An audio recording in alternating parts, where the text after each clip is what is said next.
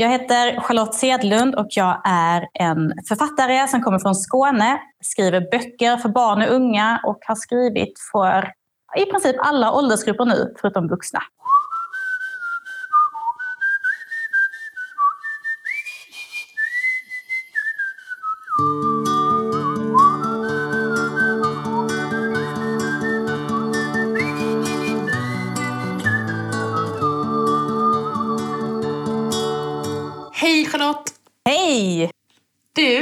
För att du är med på den här intervjun och ställer upp trots att du precis... Ja, vad har du gjort? Haft en workshop eller besök i skola, bibliotek? Ja men precis. Det är ju påsklovstider när vi spelar Ja. in det här. Det.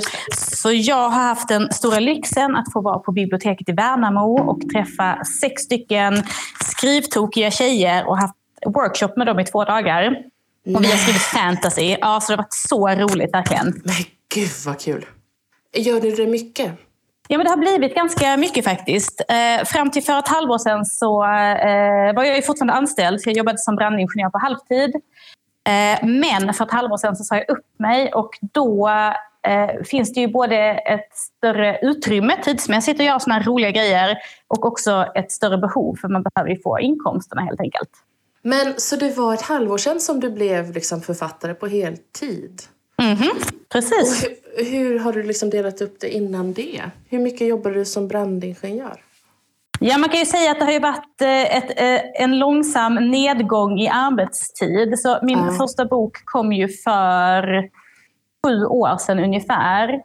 Och I början jobbade jag heltid och sen efter ett tag så gick jag ner och jobbade 80 procent. Och efter ett tag till så jobbade jag 60 procent. Och sen de senaste tre åren då innan jag slutade ungefär så har jag jobbat 50 procent. Och då eh, hade jag väl två fasta skrivdagar i veckan, måndagar och fredagar och sen lite mer rörligt däremellan. Mm, spännande. Jag tänker att vi ska gå tillbaka och prata lite om det. Om det eh, nu när du sa också att man har fasta skrivdagar och hur det funkar kontra att skriva när inspirationen kommer, om den kommer och så vidare. Men jag tänker att jag har läst att du eh, visste att du ville bli författare ganska tidigt. Mm, det stämmer. Jag, eh, jag tror att jag sa det första gången jag gick i tredje klass. Ehm, För då hade jag skrivit en ganska lång berättelse. Jag hade liksom fyllt ett helt sånt här skrivhäfte som man hade i skolan, i alla fall när jag var liten då, före iPads och sånt. Mm. Så jag hade fyllt en hel bok och jag kände mig liksom som en författare. Så jag vet att jag gick hem till mamma och pappa och sa det, att det här, det är det här jag ska bli när jag blir stor. Jag ska bli författare.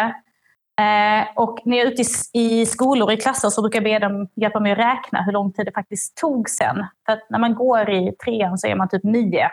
Mm. Och min första bok kom när jag var 33. Så det gick inte jättesnabbt kan man ju inte säga kanske. Nej, men det hade ju också varit å andra sidan helt galet att debutera vid, säg, 10-11 års ålder. Det hade kanske varit lite galet, absolut. Men eh, kan du minnas vad du skrev? Då, Ja, jag anar att, du, liksom, att svaret på frågan om du alltid har skrivit då är ja. ja, Eh, sen tidig ålder. Kan du minnas någonting som du skrev? Vad det var för typ av berättelser eller sådär? Jag har ju alltid dragits åt eh, det som är åt fantasyhållet och det är ju det som är min favoritgenre även nu. Även om jag faktiskt har provat att skriva väldigt verklighetsbaserade saker också nu. Mm, verkligen. Ehm, och jag vet ju att när jag gick i mellanstadiet till exempel, då skrev jag ju någon sån fantasytext som jag fick tillbaks från min lärare där det stod så här eh, jättebra skrivet men lite märkligt innehåll. och så känner jag att det var liksom lite så under min skoltid. För då var fantasyn, den var inte så stor, åtminstone inte i mina skolkretsar. Liksom. Nej. Så jag, jag skrev ju, det handlade alltid om eh, ungdomar eller unga människor som skulle ut på äventyr. Och sen fanns det gudar och väsen och varelser och, och allt möjligt. Liksom. Så det har alltid lockat mig och är det som lockar mig fortfarande. Vart kom det ifrån, tror du? Alltså den liksom fascinationen och dragningen till fantasy och... Jag tror faktiskt att det var för att jag tror att det var någonstans där, någonstans där kring tredje, fjär- fjärde klass. Jag har ju alltid läst mycket också. Sån här storläsare. Mamma tog med mig till bokbussen och liksom eh, tryckte. Det bara plockade med oss bokpåsar hem. Liksom. Mm. Eh, och någonstans i den åldern så fick vi hem Narnia-böckerna. Mm. Eh, som ju är en portalfantasy, barn som går genom en portal och hamnar i en annan värld. Och det fascinerade mig jätte, jättemycket. Den här tanken på att det kunde finnas någonting mer än Mm. det som vi kände till. Eh, och jag tror faktiskt att det var det som blev starten. För efter det sen minns jag det som att jag, jag liksom verkligen rotade fram all fantasy jag kunde hitta. Åh, vad häftigt! För jag tänker när du sen kommer ut med din debut, alltså Middagsmörker. Mm. Men innan dess i och för sig så, så får du också en novell publicerad, har jag eh, luskat fram. Ja, men jag fick nog till och med två eller tre noveller publicerade. Eh, varav den första var ju bara någon sån... Det var liksom inte min grej, men det var väl för att det var... Eh, ganska ofta när, när det är novelltävlingar så har de ju ett tema.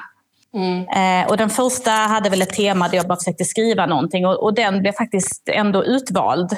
Mm. Eh, men det var kanske framförallt de två andra, för då var det såna här fantastiksamlingar. En handlade om spöken och en var steampunk. Just det. Det minns jag ju som att det var ju det som också var jätteroligt att skriva. Mm. Verkligen. Så det, var, det är liksom, ja, det är mer min grej. Mm. Men, och här har, du, här är du fortfarande bestämt på att bli författare? Eller är det här liksom de första ja, men försöken till att bli utgiven? Och sådär? Nej, men alltså jag hade ju ett tidigt försök. För att alltså, från det att jag bestämde mig där när jag gick i tredje klass att jag skulle bli författare, sen var jag väldigt ambitiös. Och det är väl liksom ett personlighetsdrag som jag har. Eh, Jag hade häst också och ville rida SM, så jag satte upp jätteavancerade träningsprogram för mig och hästen. Och, och träningsprogram för mig själv för att jag skulle bli duktig. Där Mm. lyckades jag aldrig. Min häst blev skadad. Men jag skulle också bli författare. Och när jag gick i åttan så började jag skriva på mitt första eh, romanförsök. Också en, en ungdomsfantasy-roman. Eh, som jag jobbade med i flera, flera, flera omgångar ända tills jag gick andra året gymnasiet. Eh, och då skickade jag in den till förlag, till ett förlag. Eftersom det var så jag trodde att man gjorde. Jag skickade den faktiskt till Rabén och Sjögren. Mm. Eh, Och Rabén Sjögren svarade väldigt snällt, jag har kvar det brevet, att det är otroligt spännande skrivet och, och så här. Men ja, det passar ju då inte i vår utgivning. Sån Mm, Lite standard refusering. Och jag blev så knäckt, för jag trodde liksom att eh, man hade ett försök. Så att man skickade Mm. sitt manus till ett förlag och sa de nej så var det kast. Så att jag, det blev liksom som att det blev som en sån otrolig antiklimax för mig när jag fick den refuseringen. Så att jag slutade skriva. Oj! Åh! Och skrev ingenting skönlitterärt på tio år. Nej. Och det var ju då jag pluggade till ingenjör istället. Så det blev liksom som att jag, mitt liv tog en annan vändning. Och, och liksom, ingenjör, man pluggar ju i fem år och det är väldigt mycket fokus på matematik och naturvetenskap. Och, och så här. Alltså, det fanns ändå inte riktigt utrymme för skönlitteratur i min hjärna tror jag. Nej, just. Eh, Men sen var det väl då när jag hade jobbat som ingenjör några tag och jag kände liksom att ah, men det hade varit gött att ha en hobby igen. Mm. Och jag funderade på allvar om jag skulle börja lära mig att dreja krukor eller så här, sy kläder. Eller vad ska jag göra? Vad har vuxna för hobbys? För jag Mm. var ju vuxen då. Mm. Och så hade jag en klok kompis som sa, men du, du skrev ju förr. Ska du inte skriva? Och det var då jag satte mig ner och skrev den här först, allra första novellen som blev publicerad. Ah, ja, faktiskt. just det. Ja. Och när den novellen var publicerad så började jag skriva på det som skulle bli Middagsmörker. Så då var det liksom sen... Det tog ändå tre år innan Middagsmörker blev antagen. Men jag, det var liksom det jag gjorde. Jag satte mig ner och bara nu jäklar ska det gå. Och till slut gjorde det faktiskt det, som tur. Ah. Ja, och, och vad det liksom, vilket mottagande den fick. Jag tänkte på när du berättade om din lärare som hade sagt åh vad bra, med lite märkligt innehåll. så blev ju den här också ganska, alltså att det var så här, det här var originellt, det här var liksom lite nytt kändes det som. Ja, men så var det nog faktiskt. För den handlar ju om samisk mytologi och, Mm. och tar upp samisk historia och, och liksom eh, det som händer liksom i det moderna samiska samhället. Och då fanns det inte så himla mycket romaner. Ungdom, särskilt inte ungdomsromaner. Det var väl Ann-Helén Lestadius och kanske någon Mm. till som hade skrivit. Eh, och jag skrev dessutom det ur ett fantasyperspektiv. Mm, precis. Så det var nog lite nytt Ja. eh, just då faktiskt.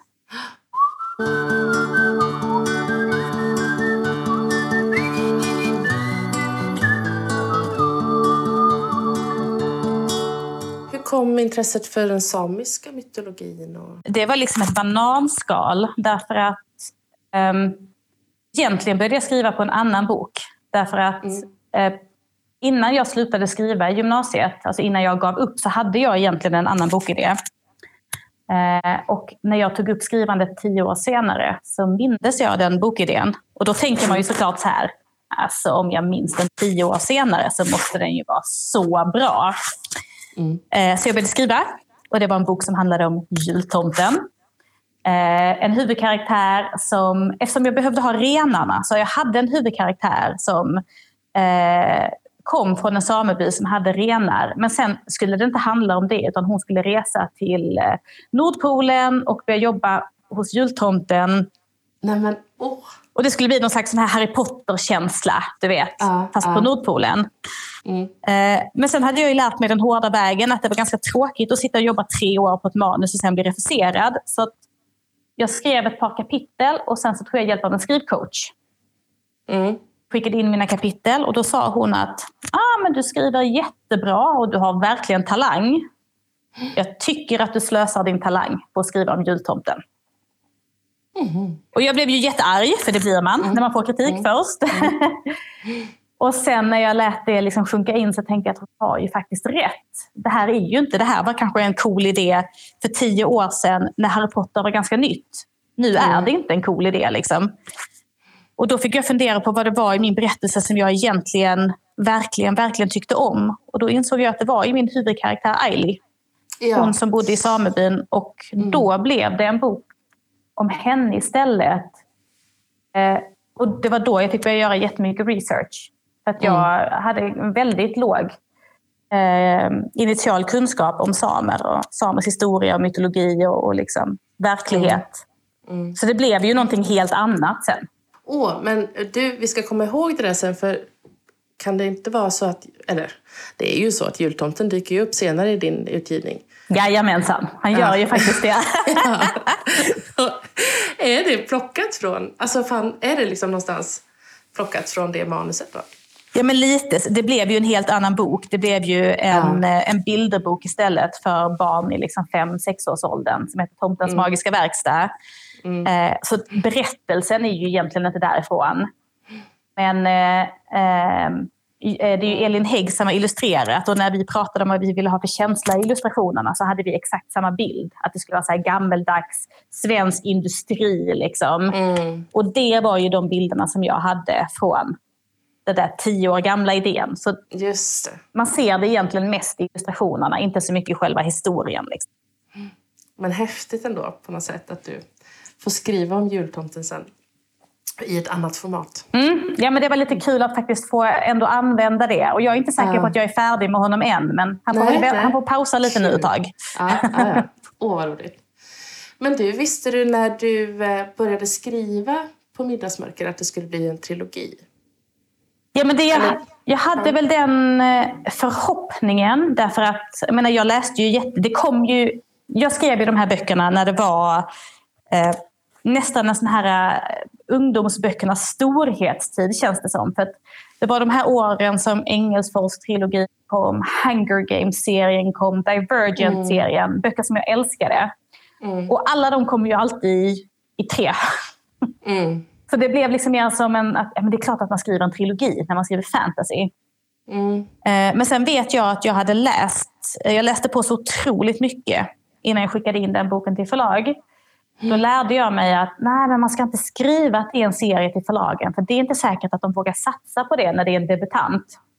Mhm. Så jag skrev den som att den ändå funkade lite grann som en standalone och så sa jag ingenting. Och det var ju först när vi hade skrivit på avtalet som eh, mitt förlag Opal då bara känns som att det här hade kunnat bli en serie. Och jag bara, ja men eh, jag har tänkt två delar till så det är ju perfekt. Ja, precis. Hade du börjat skriva också på eh, del två redan, eller hur? Nej, det hade jag inte. Nej, Eh, för nej. jag, Nej, det, det var Nej. väl som en sån grej att den, den första får liksom... Mm. Jag måste få den antagen först. Det var väl jätteviktigt för mig att få den antagen. Ja, precis. Men sen kommer tvåan ganska tätt. Den kom väl ett år senare. Ja. Det är ganska snabbt. Mm, det var en ganska stressig process kan man säga. För att jag, jag debuterade ju som författare och blev mamma samma vecka.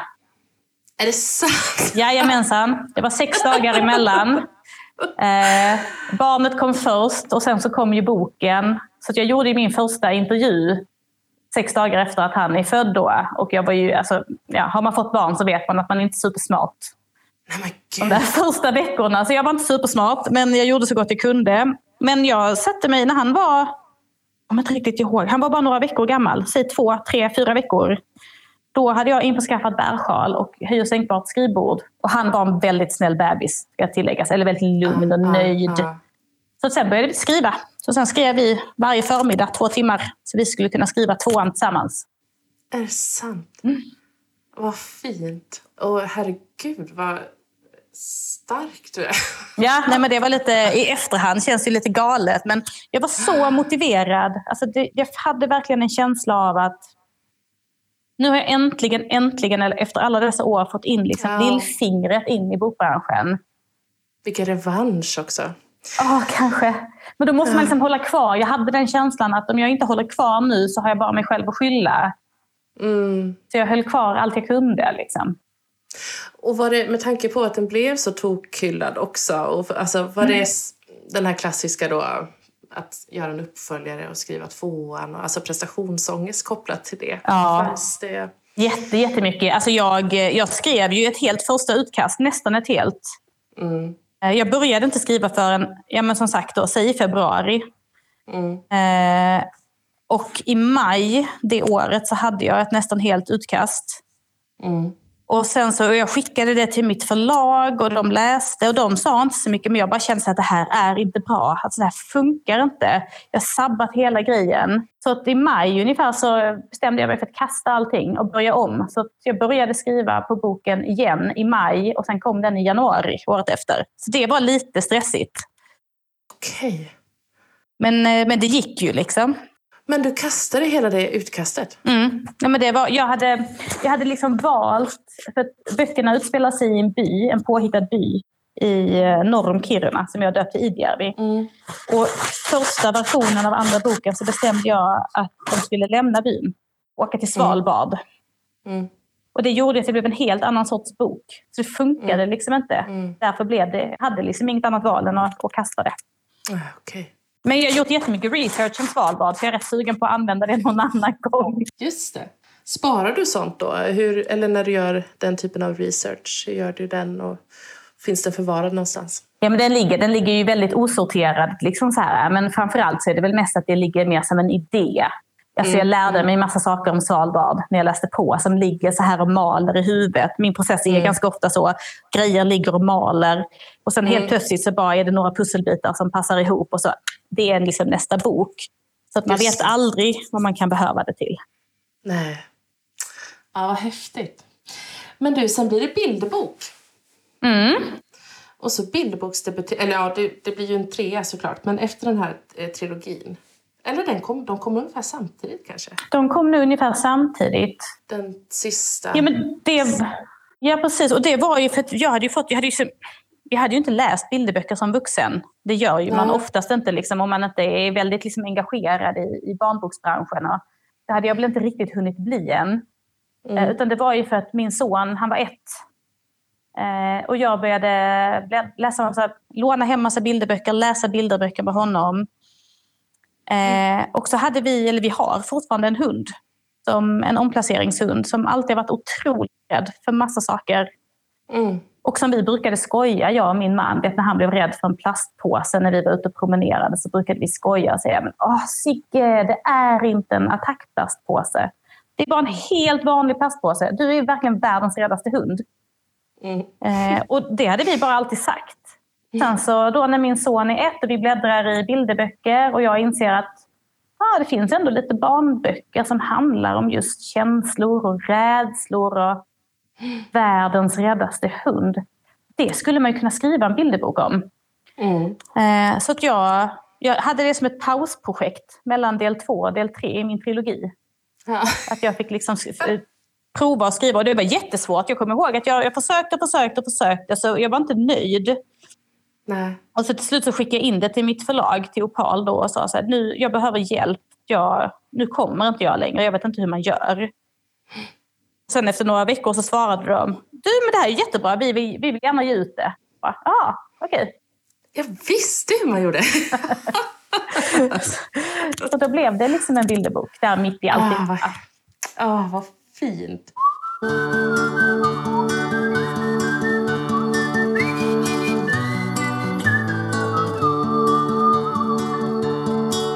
Det är klart att det måste ju vara en helt annorlunda process att skriva liksom, ungdomsfantasy och fantasy-trilogi med liksom, samisk mytologi kontra då att få ihop det till en bilderbok eh, och skriva bilderbokstext. Ja, men det är det. Och jag känner ju någonstans att jag är bättre på det långa formatet. Det kommer liksom jättemycket mer naturligt för mig. Det långa formatet där man får bre ut sig. Liksom. Mm. Eh, och att det korta formatet är svårt. Och det finns ju vissa som är så otroligt duktiga på bilderböcker. Jag tänker på Adbåge, systrarna till exempel. Alltså, de har ju någon sån här fingertoppskänsla som jag inte riktigt tycker att jag har. Men jag är liksom inte riktigt redo att ge upp heller. Nej. Så att jag, jag försöker, liksom, men jag tycker att det är, det är det svåraste jag gör. Det är när jag försöker Ja. skriva en bilderbok. Jag tycker det är, nej, det, det är en konstform, verkligen. Ja, ja. ja, precis. För det, sen kommer det ju en till bok om, eh, om Sigge. Och vad heter den? Den heter Vem vill leka med Sigge? Just handlar det. om att eh, stackars eh, hunden Sigge då, han vill så gärna leka men ingen har tid. Ja, just det. Och båda de är illustrerade av Maja Jönsson. Mm, precis. Fantastisk illustratör ju. Verkligen. Alltså helt magiska bilder är det. Ah. Hur var det att jobba tillsammans med Maja? Men det var väldigt roligt. Alltså, om jag inte minns helt fel så hade inte hon gjort jättemycket. Hon hade gjort någon bok eh, innan de här böckerna. Eh, och det gillar jag ganska mycket med Opal. Att Opal är ganska duktiga på att här, sniffa fram eh, nya illustratörer. Eh, så att eh, jag och min redaktör vi hade hållit på att bolla och bolla och bolla tankar liksom, om, om vad vi ville ha. Och så tror jag att hon skickade till mig att men, kolla den här tjejen då, Maja. Mm. Eh, och det klickade verkligen direkt. Så att, eh, nej, jag tycker att... Tror att den enda kommentaren jag hade på någon av Majas bilder det var att eh, Sigge på de första hade en väldigt, väldigt lång nos. Sen blev den bara lite mi- mindre längre.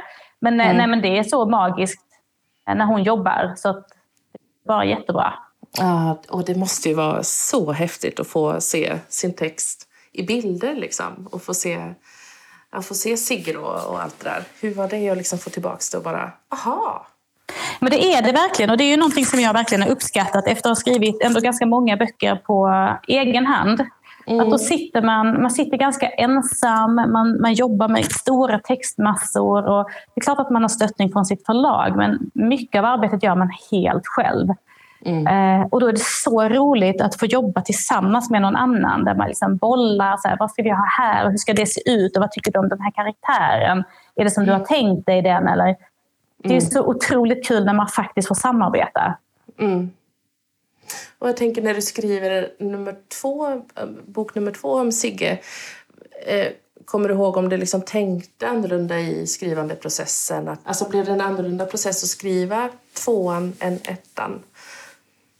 Det kommer jag faktiskt inte ihåg. Eh, Men antagligen så var det väl en stor fördel att då visste jag ju hur karaktärerna såg ut. Eh, Så den biten hade vi ju liksom. Men eh, jag kan inte komma ihåg att det var jätte, alltså, något särskilt som var stor skillnad. Nej. Du, på tal om det här att du har skrivit i så himla många olika format och för olika åldrar och det här. Det känns som att du är en sån eh, idéspruta som bara sprutar ur dig idéer och är väldigt produktiv i det. För det kommer ju tätt liksom, de olika böckerna. Eh, och 2019 så kommer faktaboken Det brinner! Just det. Utropstecken. Som då illustrerad av David Hensson.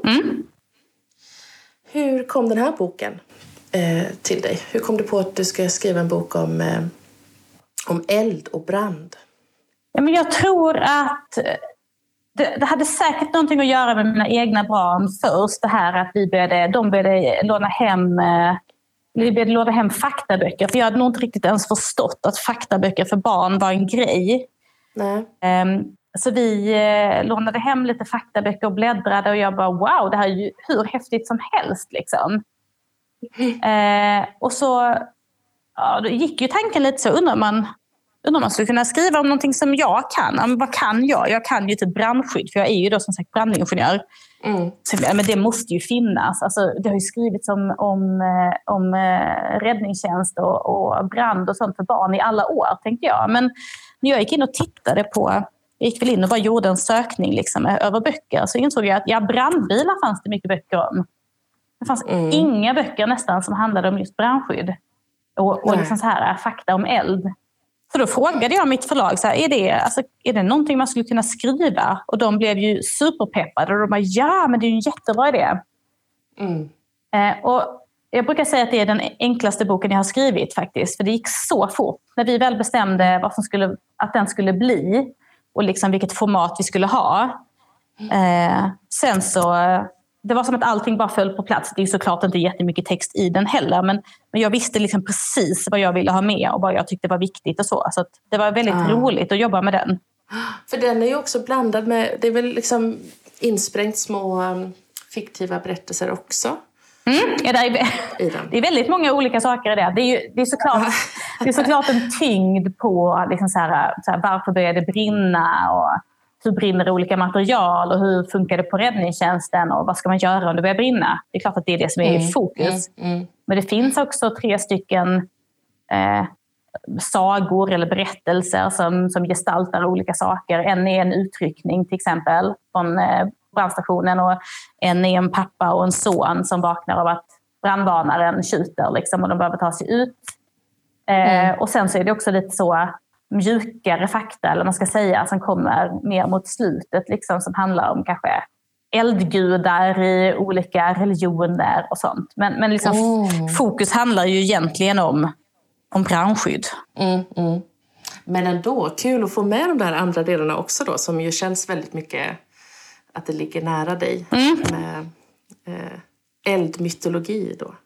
Ja men precis, och det är lite roligt Kanske. för det känns som att nu när jag har börjat ta steg bort från min andra bransch, att nu har jag inte jobbat som ingenjör på, på ett halvår, då känns det mm. som att det här med, med liksom brand och brandskydd och eld och sånt, på något sätt så känns det som att det blir ännu viktigare för mig nu. För nu mm. kan jag inte jobba med det som ingenjör. För då måste jag skriva om det i fler böcker. Liksom. Ja, just det. Precis. alltså vi kan kanske vänta oss mer då mm. i, inom liksom eldtemat. Ja, med största sannolikhet. Det kommer redan i höst faktiskt eh, redan. Då kommer det en lättläst faktabok om räddningstjänsten. Men det kommer det ja. säkert komma mer än så. Ja. Det slår mig nu att det är mycket, du jobbar mycket liksom med, eller rätta mig om jag har fel, men att det är, ändå, det är mycket research och det är ganska mycket fakta insprängt i det fiktiva också. Ehm, jag tänker på um, din första trilogi ehm, som du ändå gjorde mycket research för, för att liksom få in den samiska mytologin och sådär. Jag gillar ju research. Eh, jag, jag tror att jag blev, jag blev lite liksom research-trött efter trilogin. För där var det så otroligt intensivt och jag var liksom så mm. mån om att det skulle bli rätt. Um, men jag är ändå alltid noggrann. Alltså nu har jag ju skrivit, jag skrev ju en, eh, en ungdomsroman som heter Så jävla operfekt som kom här för ett och ett halvt år sedan. Och den är ju väldigt verklighetsbaserad.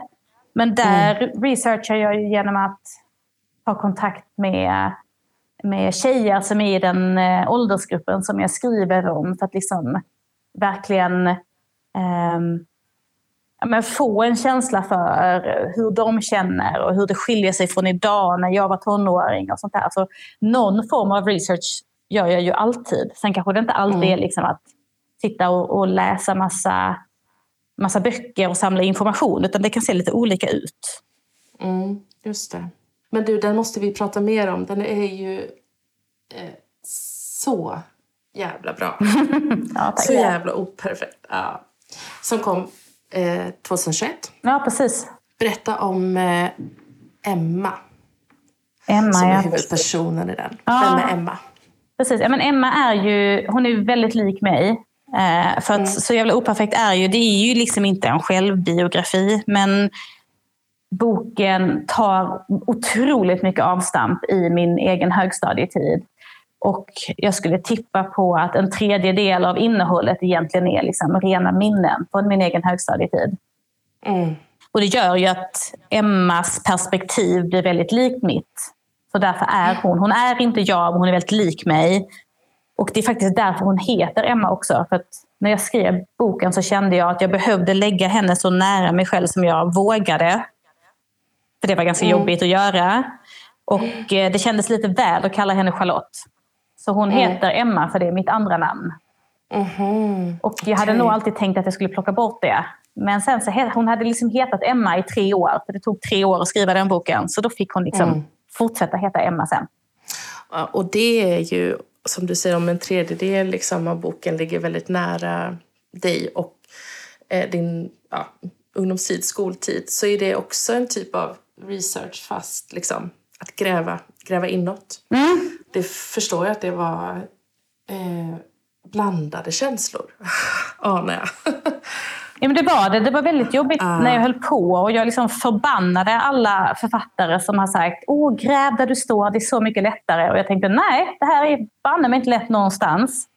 Mm. Eh, Men när boken väl var klar och när den hade kommit ut och när den ju också faktiskt som tur, som tur är fick ett väldigt, väldigt fint mottagande.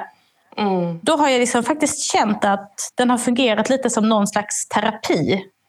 Mm. För när jag tänker på min högstadietid nu så känner jag inte riktigt samma klump i magen längre. För den har liksom blivit bearbetad genom texten.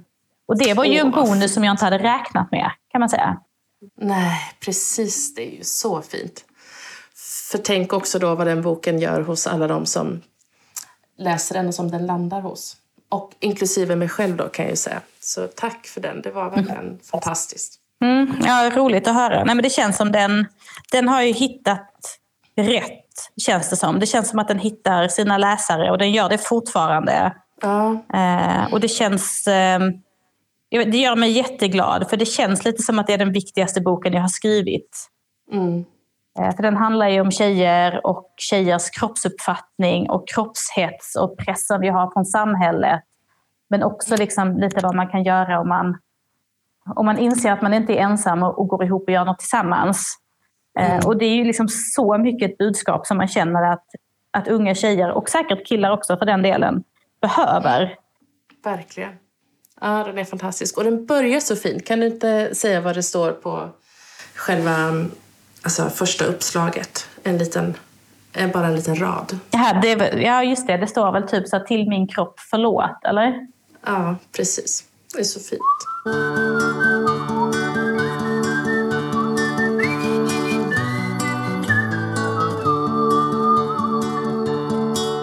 Alla dessa eh, format och idéer och sådär. Jag tänker att kanske var det så att den här jultomteberättelsen då, att det var en idé som kom i ett format men att den gjordes om under processen att, och för att sen hamna i ett annat format. Hur funkar det för dig när du får dina idéer om platser eller karaktärer eller liksom, eh, ja, bara idéer som dyker upp? Vet du direkt vilket format det ska ha? Eller är det också en liksom, process att knåda igenom? Ska det vara en bilderbok? Ska det vara liksom, lättläst, eh, illustrerad och så vidare? Hur funkar det? Ah, bra fråga. Alltså jag har ju, och det, så är det väl många av mina kollegor också, att man har liksom en sån kontinuerlig ström av idéer in i huvudet. Och det är väl lite så att ju mer du tränar dig på att, att liksom använda och skapa idéer, desto mer kommer de. Så det är liksom ett konstant flöde. Eh, och jag brukar låta min hjärna liksom sköta sorteringen ganska mycket själv, så oftast så skriver jag inte ner saker förrän ganska Nej, okej. långt in i idéstadiet. Eh, för jag brukar tänka att "Ah, ja, men om det försvinner så då är det inte tillräckligt bra. Utan de tillräckligt bra idéerna de kommer att stanna kvar. Just det. Mm. Och då blir det liksom lite mer som idékluster tror jag. Att, Eh, att om jag, jag, har liksom idéer och tankar om att men det här är, jag vill skriva om en portal till en annan värld till exempel. Så vet jag att det räcker ju inte som idé, utan då får den ligga där och guppa kvar i hjärnan tills det kommer liksom något annat. Någon annan idé som kan fastna i, i, i samma kluster. Att ja, men jag vill ha, eh, jag vill ha en, en huvudperson som har kommit till Sverige från ett annat land. Ha, kan jag knyta ihop de två idéerna på något sätt? Ja, men det kanske går. Och så får de mm. landa i samma kluster. Eh, Just det. Och jag vet egentligen inte riktigt. Ganska ofta så, eh, det här liksom vilket format det ska bli. Ganska ofta så landar det ju lite i hur jag, gamla jag tänker mig karaktärerna. För det är ju ändå ganska ofta så i barnlitteraturen att boken sorteras ju in i den åldersgrupp som huvudpersonen mm. är. Så är personen 12 år gammal så räknas det som 9 till 12 och är de mm. 15 så räknas de kanske 12 till 15 då. Mm. Eh, så ganska ofta handlar det om det, att jag, liksom, jag ser, får en karaktär, en bild av en karaktär. Och eh, när det där klustret har växt sig lite större så börjar jag få så många personlighetsdrag. Så att jag inser att ja, men det, här är ju, det här är ju en tonåring. Eller nej, men det här är någon som är lite yngre. Liksom. Mm. Eh, och när det kommer till mina lättlästa böcker så brukar det faktiskt mer vara så att vet, jag känner att jag får en idé. Och sen så bygger den inte ut ett tillräckligt stort kluster. Men jag gillar ändå idén jättemycket. det här är en så rolig idé. Jag skulle så gärna vilja prova skriva det. Jag kommer inte mm. få det här att räcka till en roman. Och då är det perfekt att använda de idéerna, tycker jag, till de lättlästa böckerna. För då, då är det liksom ett kortare omfång. Jag behöver inte ha lika mycket sidohistorier och, och liksom olika trådar, utan jag kan fokusera på den där äh, enda idén som var bra, för oftast räcker det mm. till en bok. Liksom. Mm. Ja, för du har ju skrivit en, äh, en serie äh, för Hegas förlag mm. som är de här Brå, Bråfalls hemlighet. Ja, precis. Berätta om den här nya fina boken som är på gång nu då. Den ser ju, för det tänker jag ju, när jag läste lite om den och såg vad det liksom handlar om så bara, gud vilken bra idé! alltså vilken rolig idé! Eller fin idé. Ja, men precis. Ja, men jag har ju eh, en bok som kommer nu i maj faktiskt, så det är väldigt mm. snart, som heter, det är en ny serie som heter Tvillingvärlden och där den första boken kommer att heta Guldmånen och som är en total fantasy-serie för lågstadiet kan man väl säga. 69 år räknas den som. Mm. Eh, och jag kommer inte ihåg hur jag fick den idén egentligen, men jag fick liksom en känsla av att jag, jag är liksom fascinerad av tvillingar. Tvillingar är ju spännande ur liksom ett fantasyperspektiv. De här tajta banden som man säger att tvillingar har till varandra. Mm. Och jag fick liksom en känsla av att men vad händer egentligen om om man har en tvilling och man är jättetajt och så dör en syskon. Vad händer med det där bandet? Bryts det bara då? Nej, så kan det ju inte vara. Och då fick jag en idé om att det måste ju vara så att det finns en värld där eh, tvillingar som dör i vår värld liksom kan vänta in sina syskon. Deras band är ju så starka så att de kan inte ens resa vidare till vad det nu än är som finns efter döden var för sig, utan de behöver liksom göra det tillsammans. Och mm. den här världen kallar jag för tvillingvärlden då.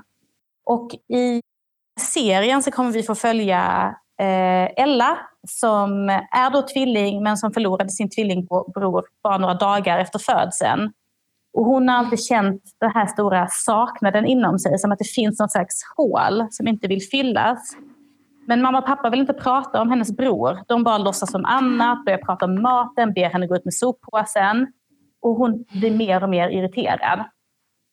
Eh, och en gång mm. när hon har bråkat med mamma och pappa om det här så springer hon ner på innergården. Hon ska slänga soporna. Hon är skitsur. Och så ser hon att det är en lucka mitt i den gråa väggen på innergården.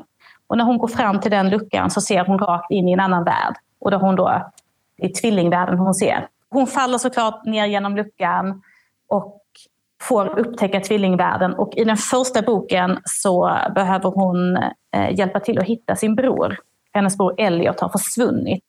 Mm. Tanken är att det här kommer vara en serie med fristående böcker. Att varje bok så har, kommer Ella till tvillingvärlden och så har de ett nytt äventyr. Och det som har varit jätteroligt för mig med böckerna är att jag får ju jobba med så ganska klassiska eh, fantasy-ingredienser. Men jag får liksom mm. göra dem förpackade till, i, liksom, i, i barnbokskonceptet. Eh, och så är de fantastiskt illustrerade. De är så fullillustrerade. Eh, de här böckerna av Anna Westin. Så att varje uppslag har liksom stora sprakande bilder. Så att, mm. ja, jag tror att det kommer bli hur bra som helst verkligen. Gud vad fint. Vad häftigt. Mm. Oh, men finns det, redan, finns det redan fler eh, böcker eh, på gång i den här serien då? Även om det kommer vara separata delar, eller hur? Eh, jag har faktiskt skrivit på till... Alltså jag, när jag fick den här idén så blev jag ju så inspirerad. Så att jag mm. skrev ju tre delar på en dryg månad. Jag, var liksom, nej men jag, blev så, ja men jag kände lite, som jag sa, att Narnia är liksom anledningen till att jag mm. började älska fantasy. Och jag tror att jag alltid haft en tanke om att men någon gång vill jag också skriva min Narnia. Mm. Och det var lite som att när jag fick den här idén tänkte jag ah, men this is it. Alltså det är nu, nu har jag hittat den. Så jag var ju superpeppad bara. Eh, så del två, eh, som heter Förstenad, den kommer komma i september. Eh, så det är bara stackars Anna nu, Anna Westin, som får slita. Yes. För det, det, är inte, det är inte lite illustrationer som Nej. hon ska jobba fram. Nej. Åh. Åh, vad kul det ska bli. Det blir jättespännande att läsa. När den här podden eh, kommer ut så finns boken ute i bokhandeln.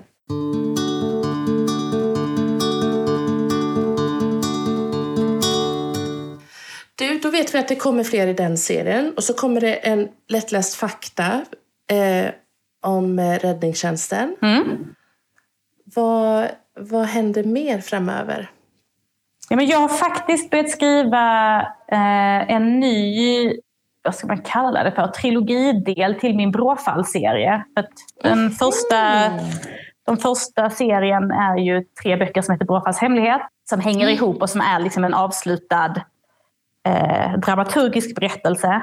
Mm. Eh, och nu har jag börjat skriva på en ny sån i tre delar som ska heta Bråfalls mysterium och som ska gå och läsa fristående från den mm. första delen. Ah, okay. Men jag är i princip klar med textarbetet och där håller också illustratören på att jobba nu för den ska också komma i, i september. Och där heter första boken eh, Blodsippans hämnd. Ja, något sånt. Någonting med en blodsippa. Mm. mm. ja. Oh, vad kul! Men sen jobbar jag ju med hur många projekt som helst just nu. Så jag vet inte, jag har nog fått... Dels är det ju såklart det är en otrolig skillnad att vara författare på heltid. Alltså, man ska mm. verkligen ge cred till alla som lyckas skriva fantastiska böcker med eh, ganska täta mellanrum och ha ett annat jobb samtidigt, för det är utmanande. Det är jättestor skillnad nu när jag kan göra mm. det på mm. heltid. Men jag tror också att den här boosten av att jag insåg att jag äntligen hade möjlighet att sluta vara anställd har gjort att jag har jättemycket idéer som kommer. Alltså, Mm. Jag, har ju liksom, jag jobbar ju med en ungdomsroman nu.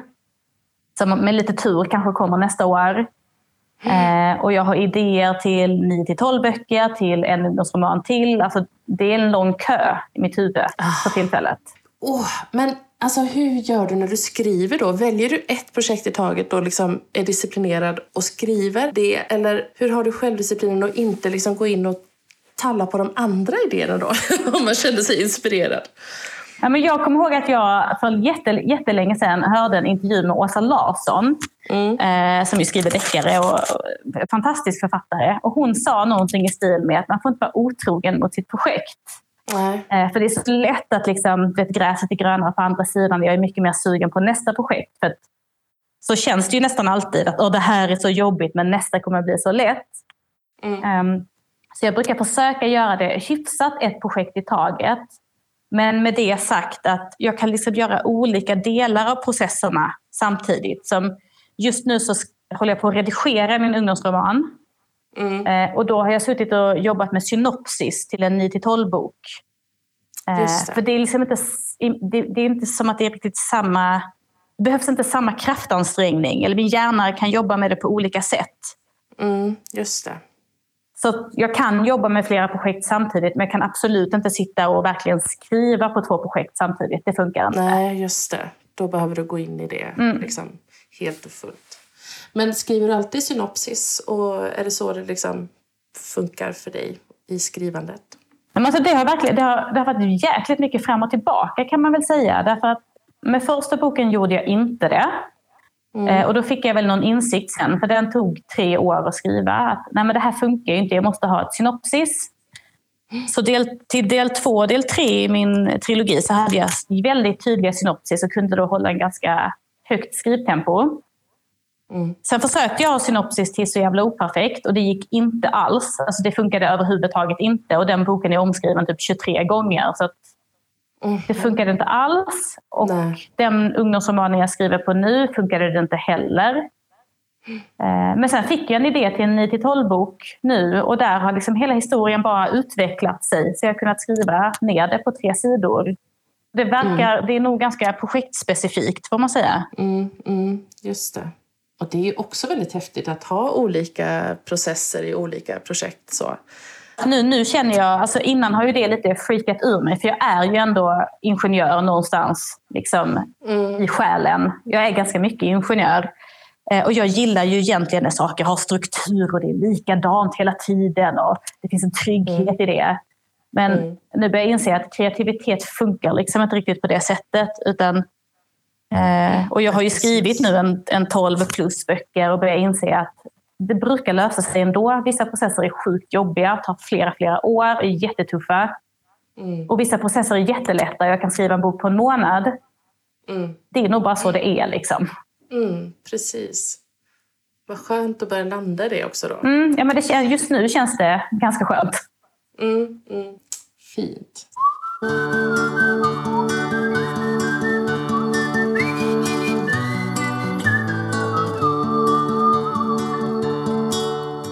Berätta om Babbelpodden.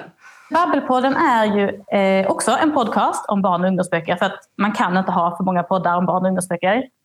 Eh, som jag och min kollega och vän Emma Andersson startade tillsammans för det är nog snart två år sedan, för vi är inne på vår fjärde säsong. Ja, precis. Ja. Eh, och det var väl egentligen... Vi hade ju en annan podd tillsammans innan, där vi var en del av ett poddkollektiv. Eh, en mm. podd som heter Fantastisk podd och som handlade om eh, fantastiklitteratur. Och sen lades den podden ner efter många år och då kände vi lite så, ska vi inte podda mer nu?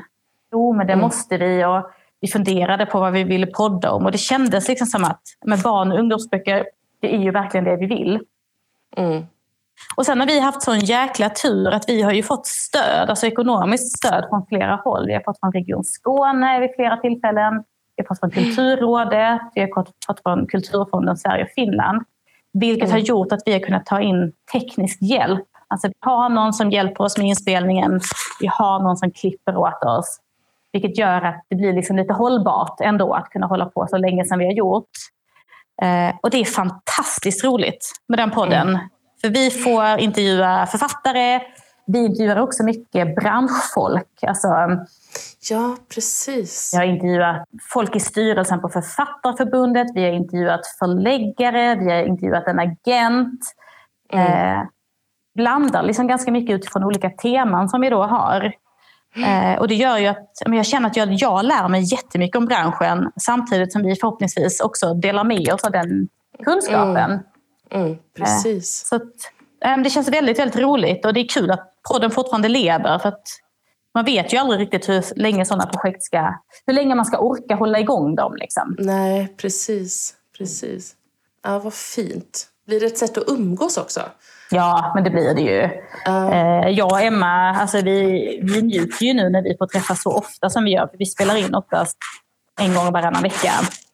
Mm. Eh, och sen så är det ju så kul att få träffa de här gästerna som vi bjuder in. Alltså de som bor mm. i Skåne kommer ju kanske förbi oss liksom och är med i, inne i studion. Men också bara det att få, få liksom träffas över en, en Zoom-länk och, och prata med författare som man beundrar eller som man som man är mm. jättenyfiken på. Eller, vet, så här, mm. Det känns otroligt lyxigt och det känns ju mm. som att man, man har verkligen breddat sitt, både sitt nätverk men också sin läsning. För vi läser ju också böcker och tipsar i podden. Mm, mm. Och jag har läst så himla mycket svensk barn och ungdomslitteratur sedan vi drog igång podden. Så det är, jag känner mig så inläst. Liksom. Det är jätteroligt. Mm. Spännande.